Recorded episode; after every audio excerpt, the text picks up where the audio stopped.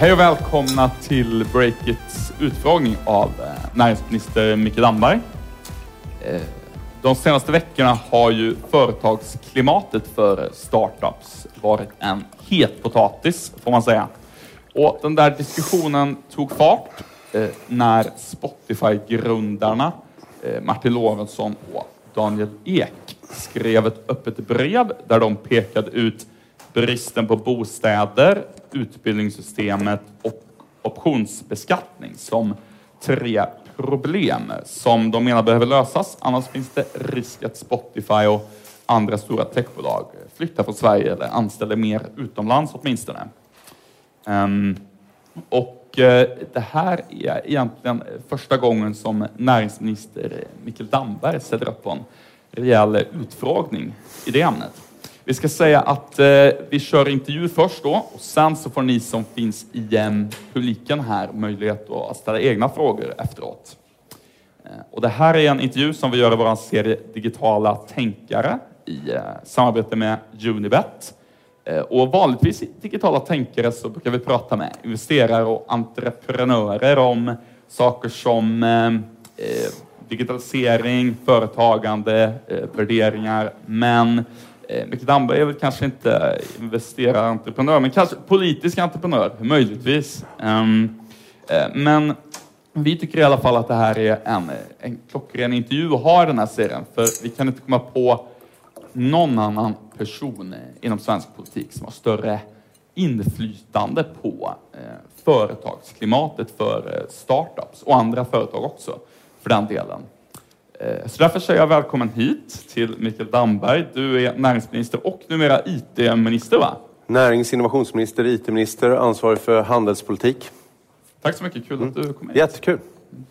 Eh, du, du sa i en intervju i eh, december att Sverige är i en unik position där vi tävlar med Silicon Valley. Vad menar du när du säger så?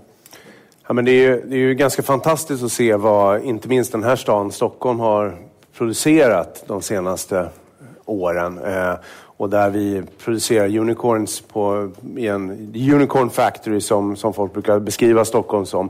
Men det är inte bara Stockholm, det är flera andra ställen runt om i Sverige som har väldigt spännande startup-scen.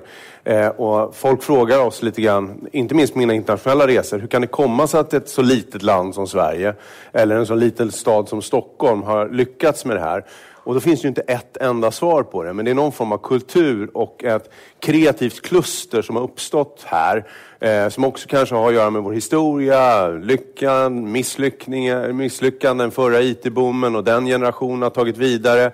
Som har skapat något väldigt unikt här. Men också ett samhällsklimat där man har lätt att samarbeta, man är ganska kreativ, man vågar testa sina egna idéer. Eh, och det här har skapat något väldigt unikt i ett internationellt sammanhang. Och det ska vi vara väldigt stolta över. Men det innebär ju inte att vi är ensamma på den här planeten om att försöka promota innovation eller digital utveckling. Vi har en stenhård internationell konkurrens, men vi har också väldigt schysst utgångsläge. Du, eh, när vi då tävlar med eh, Silicon Valley, vad, vad tycker du är Sveriges stora eh, styrkor där i eh, våra bästa egenskaper som gör oss till en stark medtävlare? Det första är att det är väldigt svårt att tävla med Silicon Valley med med det universitetsstruktur de har där och det kapital som finns där. Jag tror att, ärligt talat i det här rummet, Stockholm kommer aldrig ha lika mycket kapital som Silicon Valley. Så det betyder, man kan inte bara säga att vi ska tävla med Silicon Valley, att det är vår måttstock. Vi måste fundera på vad är unikt med oss och vad är det som gör att vi blir både ett samhälle som blir attraktivt för kreativa människor, att människor vill vara här och göra spännande saker hos oss. Eh, men det andra är, vad kan vi göra för vad är lithet, litenhetens styrka. Eh, och jag tror att det här samarbetsklimatet vi har i Sverige mellan olika aktörer, det som det här stället är ett uttryck för, att man kan samla väldigt många olika aktörer på samma plats och jobba ihop och lära sig av det, ger ju en väldigt snabbhet. Och det tror jag är en stor unikitet. Men också det att vi har haft ett antal riktigt framgångsrika bolag nu. Mm. Och den erfarenheten smittar av sig på nästa generations och nästa generations bolag. Så vi håller på att bygga en ett ganska unikt kluster och det tror jag är vår absolut starkaste styrka. Det som hindrar oss, om jag får gå över på det, det är väl att när jag tittar på bolag som vill växa och har träffat väldigt många av bolagen som, som finns i Sverige på det digitala området och lyssnat, då säger man nästan alltid att det som hindrar oss från en riktigt bra utveckling är tillgången ofta på kapital eller kompetens, alltså tillräckligt eh, begåvade människor. Och de där två sakerna är ju liksom en, en, ett hinder på utveckling för, inte bara Stockholm tror jag, utan många eh, startup-länder. Eh, Men Sverige och Stockholm har, har sina speciella utmaningar på det här området. Du, um Eh, om vi går tillbaks lite till faktorerna eh, bakom varför vi ändå har betydligt fler framgångsrika techbolag än till exempel ja, Holland eller Österrike för att ta länder som ligger i någorlunda jämförbarhet vad gäller storlek. Om du ska peka ut lite mer konkreta nyckelfaktorer, vad tror du det beror på? Eh, digital mognad, att vi var väldigt snabbt ute med att bygga ut eh, snabbt internet i Sverige och att det spreds till väldigt många. Eh, Hem-PC-reformen unik i ett internationellt perspektiv där väldigt många unga människor fick liksom en dator hemma och höll på att leka med den och lärde sig mycket på det som skapade ett, liksom den här demokratiska... På något sätt, man talar om det svenska musikundret ibland och vad var bakgrunden till det? Och Max Martin har någon gång sagt att liksom, utan kommunal musikskola hade vi inte haft det musikundret. Hem-PC-reformen blev lite grann samma sak fast på IT-området eh, som eh, musikskolan blev för Sverige Sverige och musik. Och det är det här eh, att vi satsar väldigt mycket på att ge alla människor möjlighet att liksom ta vara på sin talang. Gör man det på ett smart sätt och ligger i framkant så, så når vi någonting. Och det demokratiska kulturen tror jag också.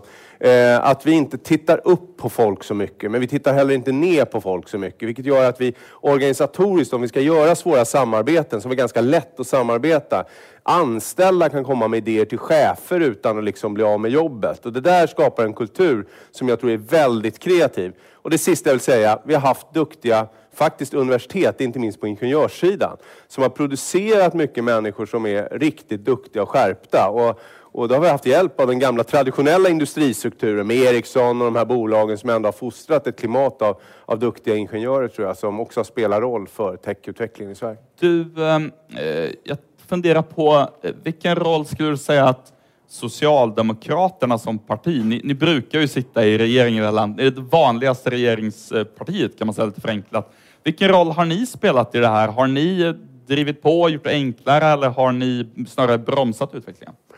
Ja, men jag, tror man ska vara för, jag brukar alltid vara försiktig med att liksom, politiskt, politisera för mycket av frågor som kanske är allmän karaktär. Men det är klart, men, men jag ska säga, det, ja, det var en reform som vi genomförde eh, och det var liksom från början så var det ju, det var ju industriföretag eller tjänsteföretag som ville ge datorer till några nyckelpersoner hemma och ville göra ett skatteavdrag. Och då sa vi, nej, ska det här göras, då måste ni ge alla anställda på bolaget hemdatorer. Då får ni det här avdraget.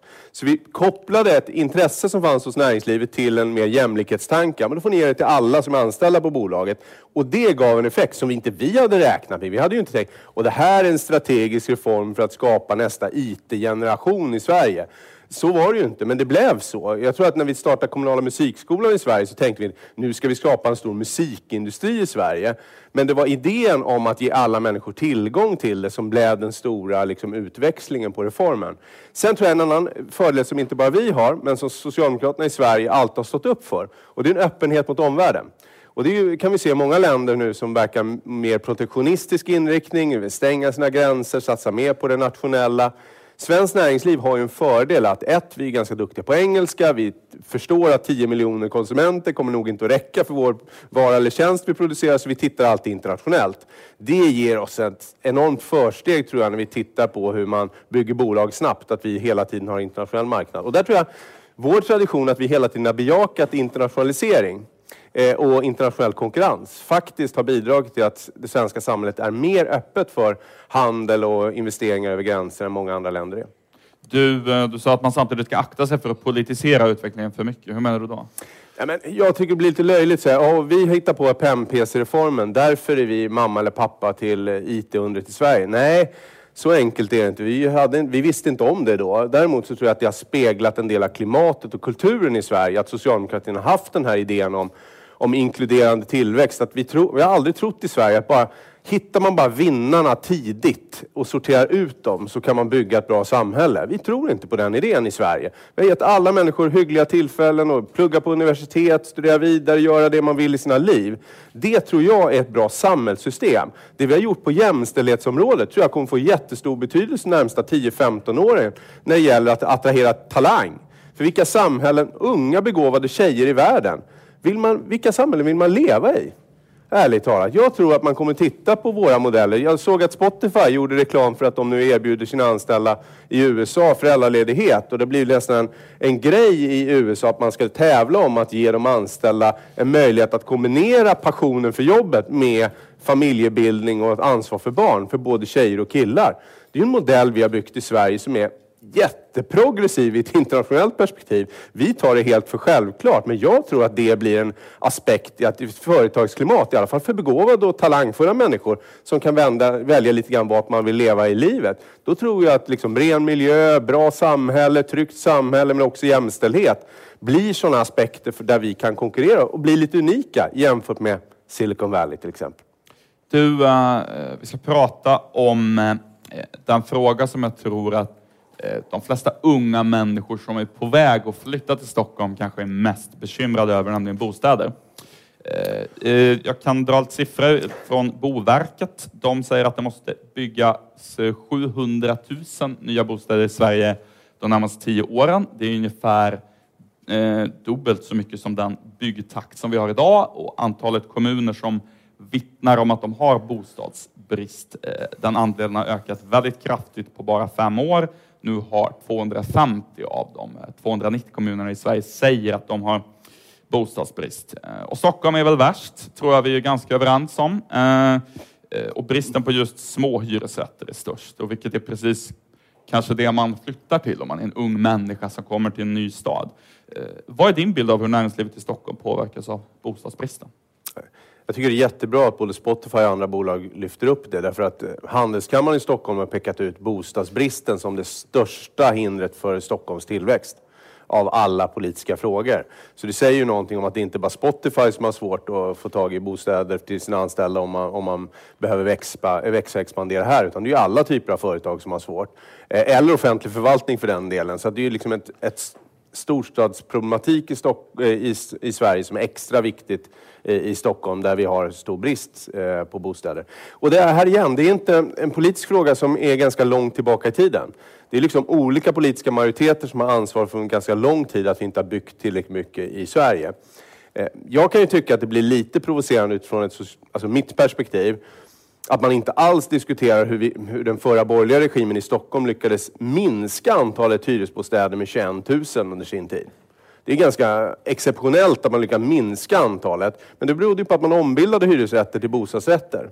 Eh, vi var ju väldigt kritiska till det här. Vi trodde att det var en kortsiktig politik att göra det. Det var några som blev vinnare som fick köpa loss sina lägenheter och blev jätteglada.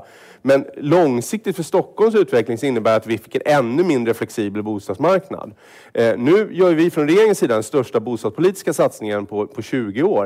Där vi satsar 6 miljarder där mycket av vi kör incitament, både för de som bygger hyresrätter till hyggliga priser, men också för de kommuner som erbjuder mark. För det är ju den stora frågan här, att det handlar inte bara om att bygga, det handlar om att få fram mark.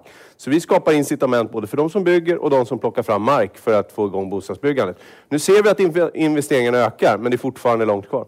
Precis. Eh, man kan väl säga att eh, från regeringens eh, håll så brukar det låta så här att nu gör vi en stor satsning och det stämmer ju jämfört med kanske vad som har gjorts de senaste åren före dess, men alla utomstående bedömare är väl ändå ganska överens om att det krävs förmodligen mer, i synnerhet i Stockholm i och med att inflyttningstakten är eh, så hög.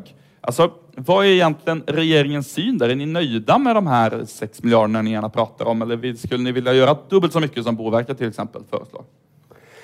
Jag tror man, det viktigaste är att man i bostadspolitik är att man kommer upp på en hög nivå och håller under väldigt lång tid. Därför att det vi har sett i bostadsbyggandet genom åren, det är att det pikar ibland och så går det ner och så är det lågt väldigt lång tid och sen går det upp igen.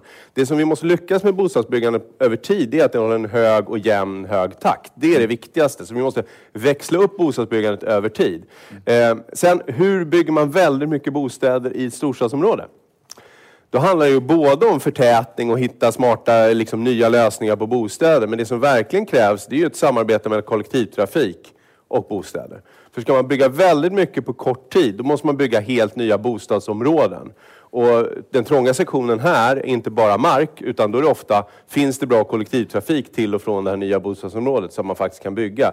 Så idén att koppla ihop till exempel tunnelbaneutbyggnad, andra kollektivtrafiksatsningar med bostadsbyggande, tror jag är nyckeln för att få upp bostadsbyggandet ytterligare, ytterligare i de stora städerna. Men det finns ju en frustration här att man hör att vi gör storsatsningar och så samtidigt så, just som när man är bostadssökande själv så känner man ju bara jag vill ha en bostad nu. Alltså, vad finns det egentligen för möjlighet för regeringen, staten, att till exempel kraftigt finansiera mycket mer bostadsbyggande? Man skulle kunna tänka sig att man höjer statsskulden kortsiktigt för att liksom, ja, underbygga den tillväxtmotor som, som Stockholm är. Alltså, finns, finns det inte en möjlighet att göra mycket mer genom lite mer vågade åtgärder bara? Man ska, eh, det, det, finns ju ingen brist på idéer vad man ska lägga statliga pengar på. Nu gör vi den största satsningen på länge för bostadsbyggande. Men jag tror inte det bara handlar om det, för nu har vi rekordlåga räntor i Sverige, eller hur? Så det borde vara fullt möjligt för att också privata företag och byggherrar tycker att det är lönsamt att bygga just nu. Eh, och då måste man fråga sig, varför kommer inte det automatiskt till stånd då? Och då ett, för, en förklaring är att det är ganska få byggherrar, några stora, som står för nästan allt stort bostadsbyggande i Sverige. Vi har för lite konkurrens på byggsektorn. Och en av förklaringarna till det är att vi har för långa byggtider. Det tar väldigt lång tid innan man börjar planera ett bostadsbygge tills det kommer till stånd. Och då tittar vi på, kan vi minska överklagandeprocesserna, göra det snabbare? Kan vi förenkla en del regelverk som gör det billigare och mer liksom, att producera lägenhet i stor skala. Så vi måste titta på massa olika delar där. Nu sitter vi med oppositionspartierna faktiskt i bostadspolitiska samtal för att se, kan vi komma överens om något över blockgränsen för att skapa mer långsiktiga spelregler för ökat bostadsbyggande. Men de som tror att det finns en magic bullet när det gäller bostadsbyggande, det tror inte jag det finns. Utan det är och, eh, och, det är inte bara regelverk, för jag säger det. Berömma, jag kan berömma min egen kommun, Solna, moderatstyrd kommun sedan ganska länge. Har ju under väldigt lång tid byggt väldigt mycket bostäder, oavsett egentligen konjunktur. De har bäst byggt bostadsrätten i och för sig, men de har byggt väldigt mycket. Grannkommunen Sundbyberg, som ofta har varit socialdemokratiskt styrd, men som vi tappade just nu för några månader sedan. Tack vare att vi skulle bygga för mycket bostäder. Det var ju lite ironi över det, men skitsamma. Eh, men om man jämför Solna och Sundbyberg, en S-styrd kommun traditionellt och en moderatstyrd. De har ju faktiskt byggt jättemycket i Stockholmsregionen. Med nuvarande byggregler, med nuvarande räntenivåer, med planprocesser, med överklagandeprocesser. Men hur kan det komma sig att så många andra kommuner i den här regionen inte har byggt? Det är därför att de vill, inte, de vill inte ha hit mer hyreslägenheter eller folk som bor i hyresrätt i våra villakvarter. Man måste också bestämma sig politiskt för att det är en viktig fråga. Då visar det sig att både sossestyrda kommuner eller moderatstyrda kommuner kan bygga när man väl bestämmer sig för att bygga långsiktigt. Vilka kommuner är det då, om du ska säga konkret? Vilka, vilka, vilka kommuner är det som är mest skyldiga? Shame and blame. Uh, nej, men det, det, är klart att uh, jag tycker det är provocerande att ett antal av de mest rika kommunerna i Stockholmsregionen... Och vad, vad heter de kommunerna, om du ska säga dem vid namn? Ja, men det är, det är Danderyd, det är Ekerö, det är Lidingö. Det är, liksom, det är kommuner som har ganska stora förutsättningar egentligen att bygga, men som har valt bort att bygga. Och det, det är inte bra. Du, eh, jag förstår, men du, delvis passar du bollen till dem, men om vi pratar från regeringens sida, vad kan vi vänta oss mer under den här mandatperioden för konkreta åtgärder som rör just eh, bostadsfrågan? Det första är att rulla ut de åtgärder vi redan beslutat om. För ibland ramlar man bara på och hittar på nytt. Man ska ju få effekt på det man har gjort också. Se till mm. att de pengar man avsatt får den effekt man har tänkt på. Men jag tror att vi kommer titta ännu mer på, på regel och överklagandefrågor. För det tar för lång tid att bygga. Vi tittar på om det går att på något sätt pusha kommunerna mer från staten eller regionens sida att ta ansvar. Eh, för att eh, fler kommuner ska ta ansvar. Ehm, Eh, och vi tittar på en del, eh, ni vet, eh, det upp, i de här bostadspolitiska samtalen är allt från olika flyttskatter till ränteavdrag uppe till diskussion. Så får vi se om det kan gå nå politiska överenskommelser kring några av de frågorna. Det vet jag inte. Ja, det är lite otydligt svar där ja. alltså. Eh, ja, vi går över till en helt annan fråga. Eh, Försvarsmakten har lanserat en träningsapp. Vad tycker du om det? Mm. Ja, en det är uppenbarligen väldigt nedladdad i alla fall. Men, eh, nej, men så här, det är klart att det blir en diskussion om det därför att det är en statlig aktör som, som väljer att göra det. Däremot så, jag är väldigt noga med att jag inte som näringsminister ska ha uppfattningar om vad som är korrekt eller inte korrekt eller lagligt till exempel. Därför vi har ju konkurrensmyndigheter som ska granska om det offentliga överträder sina positioner. Mm. Och jag som minister ska inte ha uppfattningar då om man har gått över gränsen, för vi har myndigheter som ska göra det, så det är inte min roll att göra det. Jag vill inte prata om vad som är rätt eller fel juridiskt då, men säg att du var entreprenör och så hade du kämpat och kodat oavlönat i ett år och byggt en träningsapp Sen kommer staten och lägger 25 miljoner i skattepengar på en app. Hur hade du liksom känt dig då? Ja, det är klart jag skulle känt mig, särskilt om appen liknade min egen app, skulle man känna sig lite, att det var jobbigt. Å andra sidan kan man säga så här, det är inte så att de statliga myndigheterna kommer jobba mindre med appar de närmsta åren. Men ärligt talat, vi har ju krav på den offentliga sektorn att digitalisera och att den offentliga sektorn också måste hänga med i det arbetet. Så det är klart att de här diskussionerna kommer att bli fler tror jag. Alltså gränsdragningar mellan offentliga, privata, när handlar man upp, när gör man själv? Liksom. Och jag ser ju gärna att både offentliga men också privata stora företag samarbetar mer med små innovativa bolag. Eh, att hitta de här idéerna snabbare och kunna få sin första kund som litet digitalt bolag. Kanske då för Försvarsmakten eller för ett stort eh, traditionellt bolag i Sverige. Men, men, men det blir lite... Många, jag tror att vi är bara startpunkten på massa sån här gränsdragningsproblematik som handlar om digital ekonomi. Eh, och det kommer vi få lära oss att försöka både hantera. Är lagstiftningen korrekt? Är den inte? Gör man rätt eller inte? Men att tro att den offentliga skulle avstå från att jobba med olika digitala produkter och tjänster för att utveckla den offentliga sektorns, oavsett om det i det här fallet kanske mer handlar om rekrytering till Försvarsmakten, tror jag, mm. som är en stor fråga för Försvarsmakten, att få tillräckligt många soldater. Eh, kanske för att göra en mer attraktiv soldatutbildning då, möjligtvis, från första början?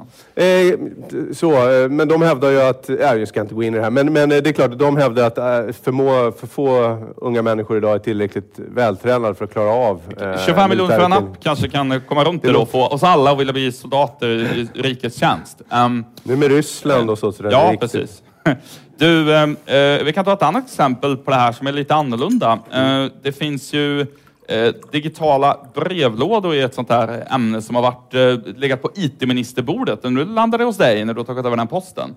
Det är så att det finns techbolag som sätter upp såna här digitala brevlådor så att till exempel telekomföretag och elbolag kan skicka Eh, kan skicka brev dit istället för papperspost hem, vilket man kan tycka är bra för miljön och så. Sen har staten en egen eh, variant där när ni eh, tar emot myndighetspost och eh, sen är det dessutom så att staten inte eh, betalar digitalt porto till de startups som bedriver sådana här digitala brevlådor. Hur, hur ser du på den där frågan? Det är lite intressant. Man har ett gammalt monopol. Staten har skickat post sedan gammalt.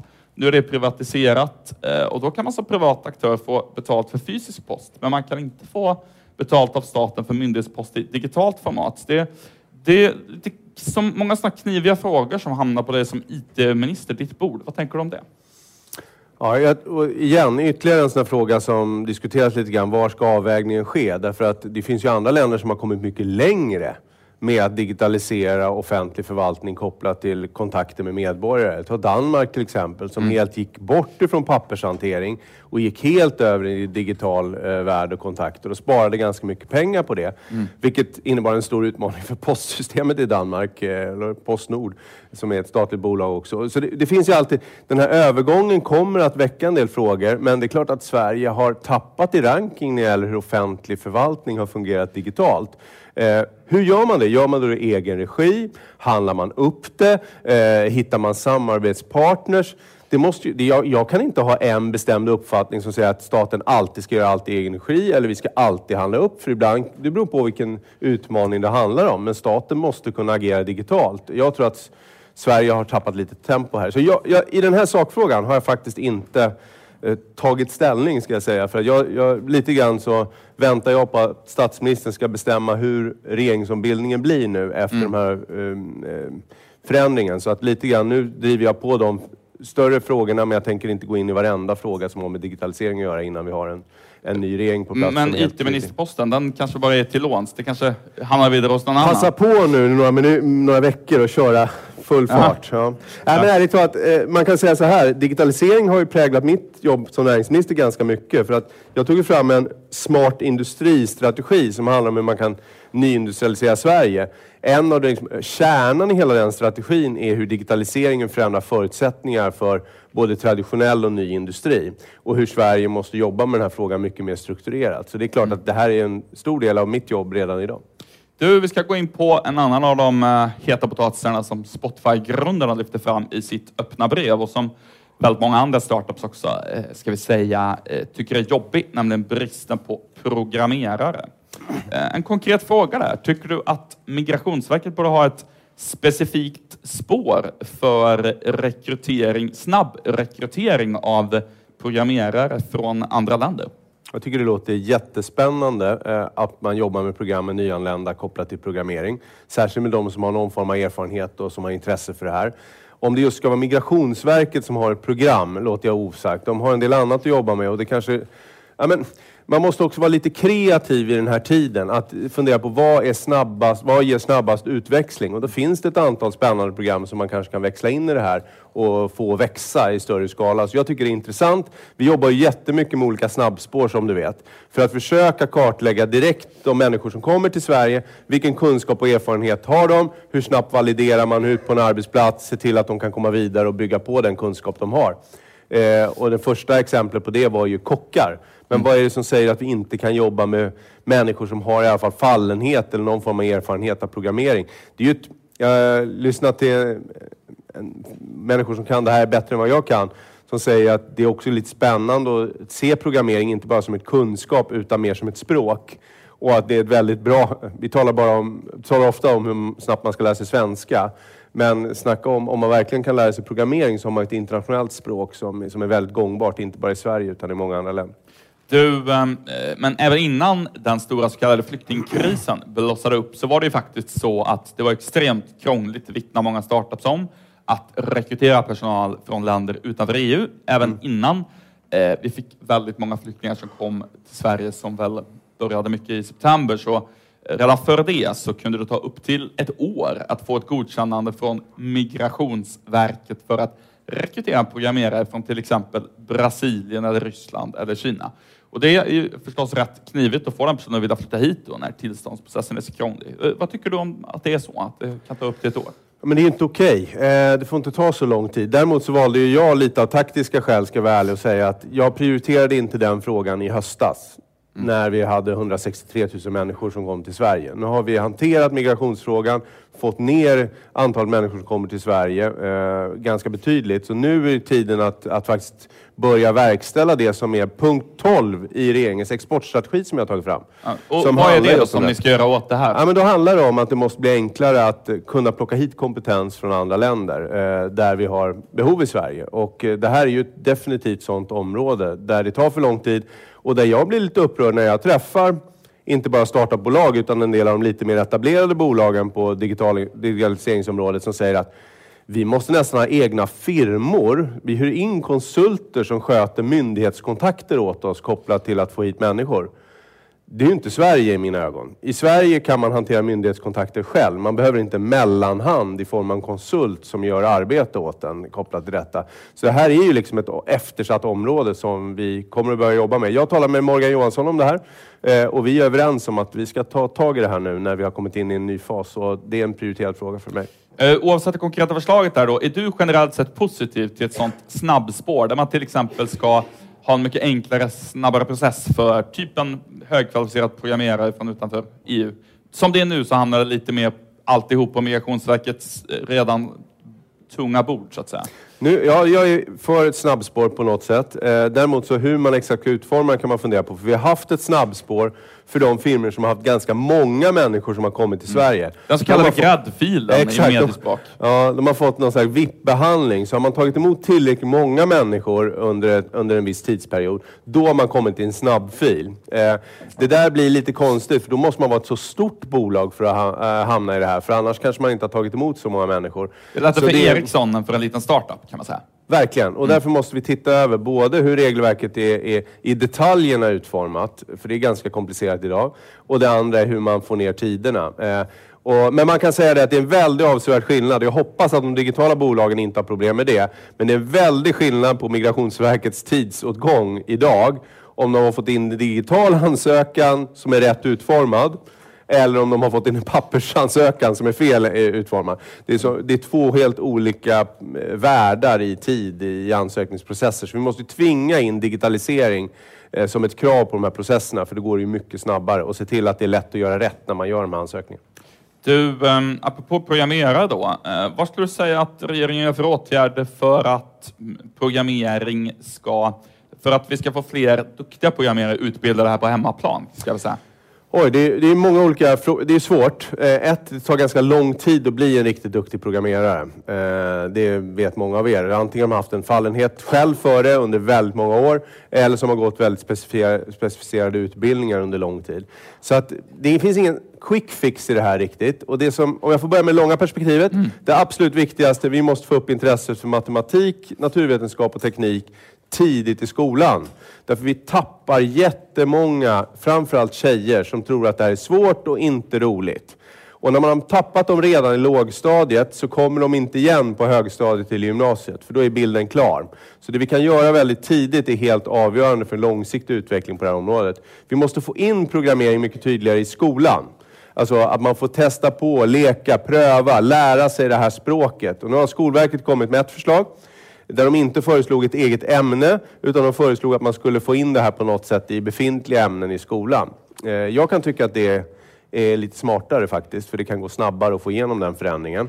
Eh, det finns en del kommuner som visar framfötterna också. Men sen handlar det om, om eh, vad gör vi på medellång sikt då?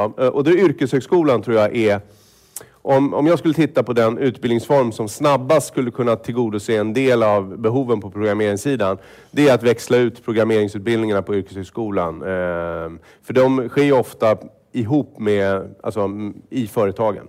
Eh, ofta tvåårsutbildning, specifikt utifrån de behov som finns. Skulle kunna lite medellång sikt kunna lösa en del av rekryteringsbehoven. Jag har, känt, jag har träffat IT-företag och IT-konsulter som har sagt att det enda sättet för oss att rekrytera nya människor, det är egentligen att bli lärare på yrkeshögskolan. För då kan vi själva rekrytera folk från de vi har utbildat. Och eh, det känns ju lite som en omväg. Men det här är ett bristyrke som vi måste fundera på hur vi kan jobba mer smart med.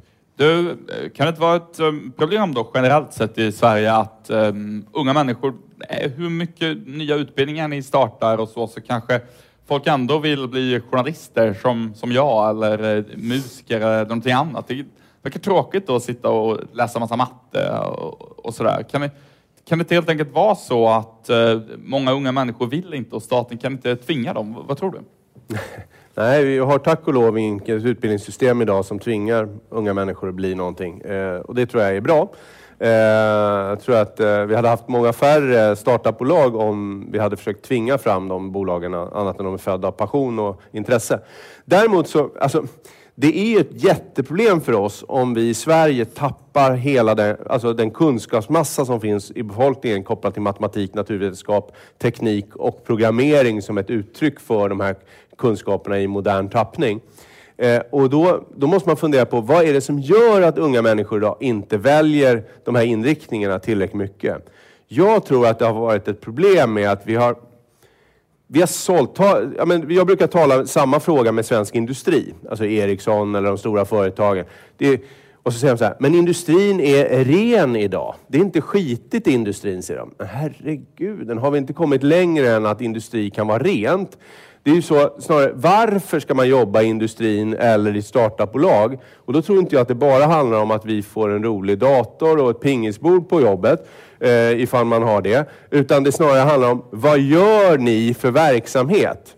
Jag säger ju att utan de här digitala bolagen, utan investeringar i svensk industri, så kommer vi aldrig klara klimatutmaningen.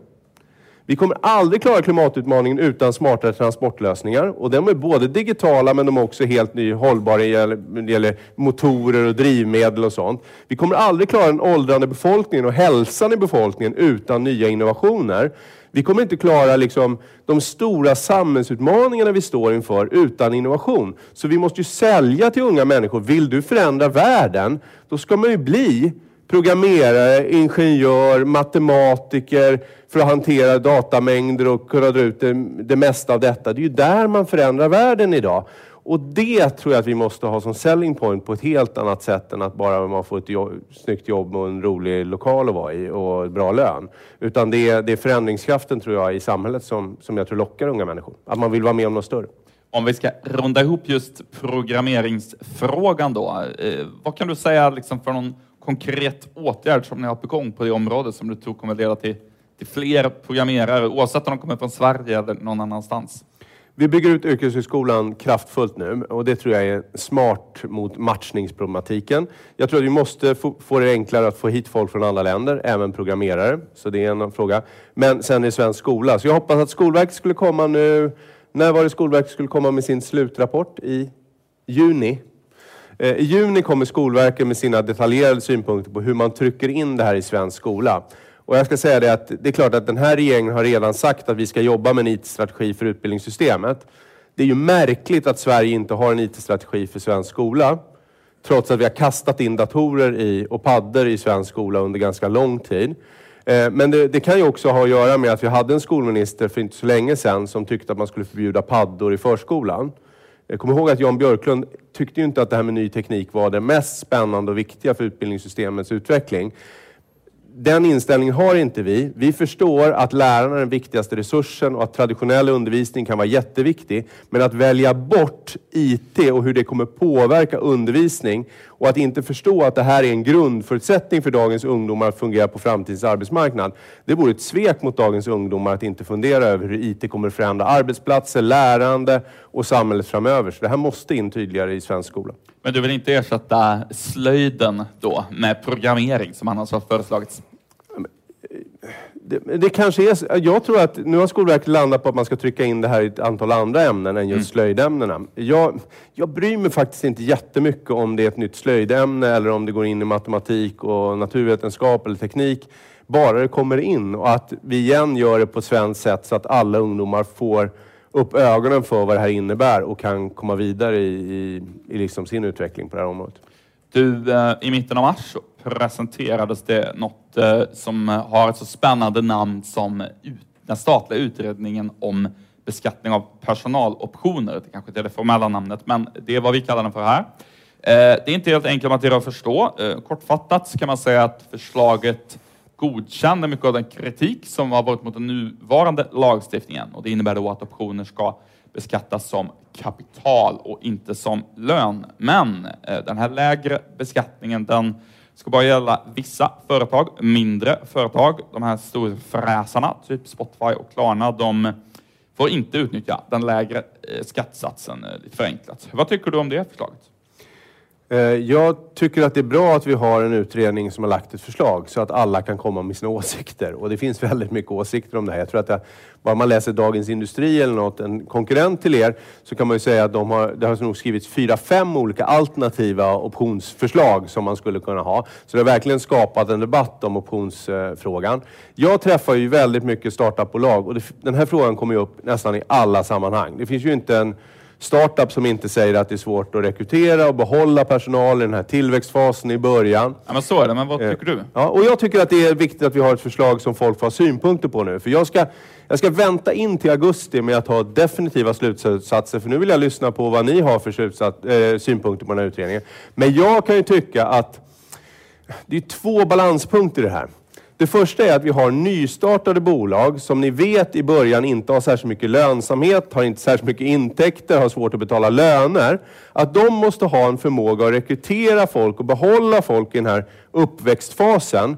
Det tycker jag är ett ganska starkt argument för att liksom ge stöd och hjälp på ett lite annorlunda sätt till de här företagen. För att jag tror att vi i samhället skulle tjäna på om de här företagen överlevde och växte till sig och betalar skatt och anställer folk framöver. Det andra är, hur ska skattesystemet se ut i Sverige långsiktigt? Vi kan ju heller inte tro att, det jag talade om inledningsvis, vi har ett samhälle som håller ihop, som finansierar universitetsstudier för unga människor, som har förskola och föräldraförsäkring och barnomsorg som är bra. Att det kan hanteras utan skatteintäkter. Vi kan inte både ha ett socialdemokratiskt, eller förlåt, nordiskt sossigt liksom välfärdssystem i Sverige och ett amerikanskt skattesystem. det går liksom inte ihop. Så det är en avvägning här som man måste göra. Vad kan vi göra på skattesidan för att stödja då, som jag ser att utredningens uppdrag var, de här nystartade företagen att komma igång och utvecklas. Eh, och hur man jobbar med kapitalbeskattning i samhället framöver. Och jag tror att det är en viktig fråga. Vill jag skicka den som passning? Jag tror inte lös, den här utredningen kommer inte lösa alla frågor om beskattning och optionsfrågor framöver och hur ska man göra. Men jag tror att den stora debatten i den digitala ekonomin kommer att handla om hur håller man samhällskontraktet? Några kommer bli väldigt rika i den här digitala ekonomin. Men samtidigt vill vi bygga samhällen som håller ihop. Hur gör man det egentligen? Hur bygger man skattesystem och välfärdssystem som, som gör det här långsiktigt? Det är en mycket större fråga än bara optionsbeskattningen. Så jag tror att man ska ha de här två Samtidigt så, så regeringen och, och, du gillar ju gärna att Eh, jag tror du är ganska nöjd med att vi satte rubriken Startup-ministern, till exempel um, på Breakit nyligen. Ni visar ju tydligt att ni vill stötta startups på olika sätt. Mm. Samtidigt finns det um, i de svar som till exempel finansministern har gett, också som utredaren säger, en tendens till att det här nya optionsförslaget, det får inte kosta någonting. Det är inte lite tomma ord då, om startups inte får kosta? Ja, men det, finns, det finns två dimensioner i, i det här. Det ena är att, um, att allting som man gör från statens sida på något sätt måste räknas hem i en budget. Så en finansminister som inte räknar på vad olika förslag kostar ska vi inte ha som finansminister oavsett regeringsfärg. Det är deras roll, det är deras uppdrag, det är därför vi har finansministrar. Så de måste syna alla utgifter och se om det är smartast att använda pengar. Eh, nu har utredaren föreslagit en variant av ett brittiskt system som har mm. fått eh, godkänt av statsstödsregler och sådär. Eh, och man kan säga att det är lite striktare än Storbritanniens system det gäller omfattning, viss storlek och så. Samtidigt är det friare, att det är mindre begränsningar vilka sektorer som ska tas bort från systemet. Eh, så det lämnar utrymme för större innovationskraft. Ehm, jag tycker finansministern gör rätt som synar förslagen, men är det bra förslag så är det ingenting som hindrar oss från att gå fram med förslag som kostar pengar. Så det är ju en del av den vanliga statsbudgeten, att man prioriterar mellan olika utgifter och säger vad man tycker att man ska göra. Jag förstår att du inte vill um, slå fast riktigt detaljerat än exakt vad ni kommer att föreslå, men eh, om vi pratar på en generell nivå, är du liksom, skulle du generellt sett vara för att göra det kanske ännu lite enklare och släppa in ännu lite fler företag till de här lite, mm, eh, alltså de, de förenklade beskattningsreglerna? Eller vad är liksom din övergripande ståndpunkt i frågan? Nej, jag tänker, inte ha, jag tänker lyssna på de synpunkter som kommer in nu fram till augusti, mm. för annars jag, föregår jag det. För att det finns många människor som har jobbat med optionsfrågan under väldigt många år, har försökt, misslyckats, hamnat i problem med tolkningar med skattemyndigheter och sådär. Jag har väldigt stor respekt för att det här är ganska komplicerat och då tror jag att man ska vara lite försiktig att innan remisstiden ens har gått ut bestämma sig för var man ska landa. Jag tror att det är oklokt. Jag tycker man ska göra det så. Eh, men däremot så tror jag att jag tycker det vore också svårt att vi i Sverige inte alls diskuterade optionsfrågan givet att flera av våra konkurrentländer de facto har infört olika sådana här system. Och att det är, en, det är, tror jag, som jag ser det, en viktig del i den här startup-fasen. Det kan ju leda till att eh, duktiga människor jobbar i andra länder till exempel. Jo, det kan det göra. Eh, men det är mycket som avgör det eh, och eh, vi måste tänka till helheten, hur hela systemet... För det får inte heller bli så att det blir en diskussion om att det här bara är att man får välja vilken skatt man vill betala i Sverige. För att alla ska betala skatt och göra rätt för sig. Det gäller även den digitala ekonomin. Man måste göra det på ett smart sätt, eller hur? Som håller ihop och som gör att det inte hindrar företag från att växa och utvecklas. Vi måste bryta nu. Eh, Mikael Damberg ska vidare, tror jag. Yes, um, ta emot eh, Chiles president. Ja, mm. härligt. Han, han, får, han, han, fick vänta på breaket. Jag ska säga helt kort bara eh, att eh, Utöver eh, det här samtalet så får ni gärna komma till eh, digitala tänkare-samtalen i Visby under Almedalsveckan som vi också gör i samarbete med Unibet. Eh, kom gärna dit till Donners plats och lyssna på det.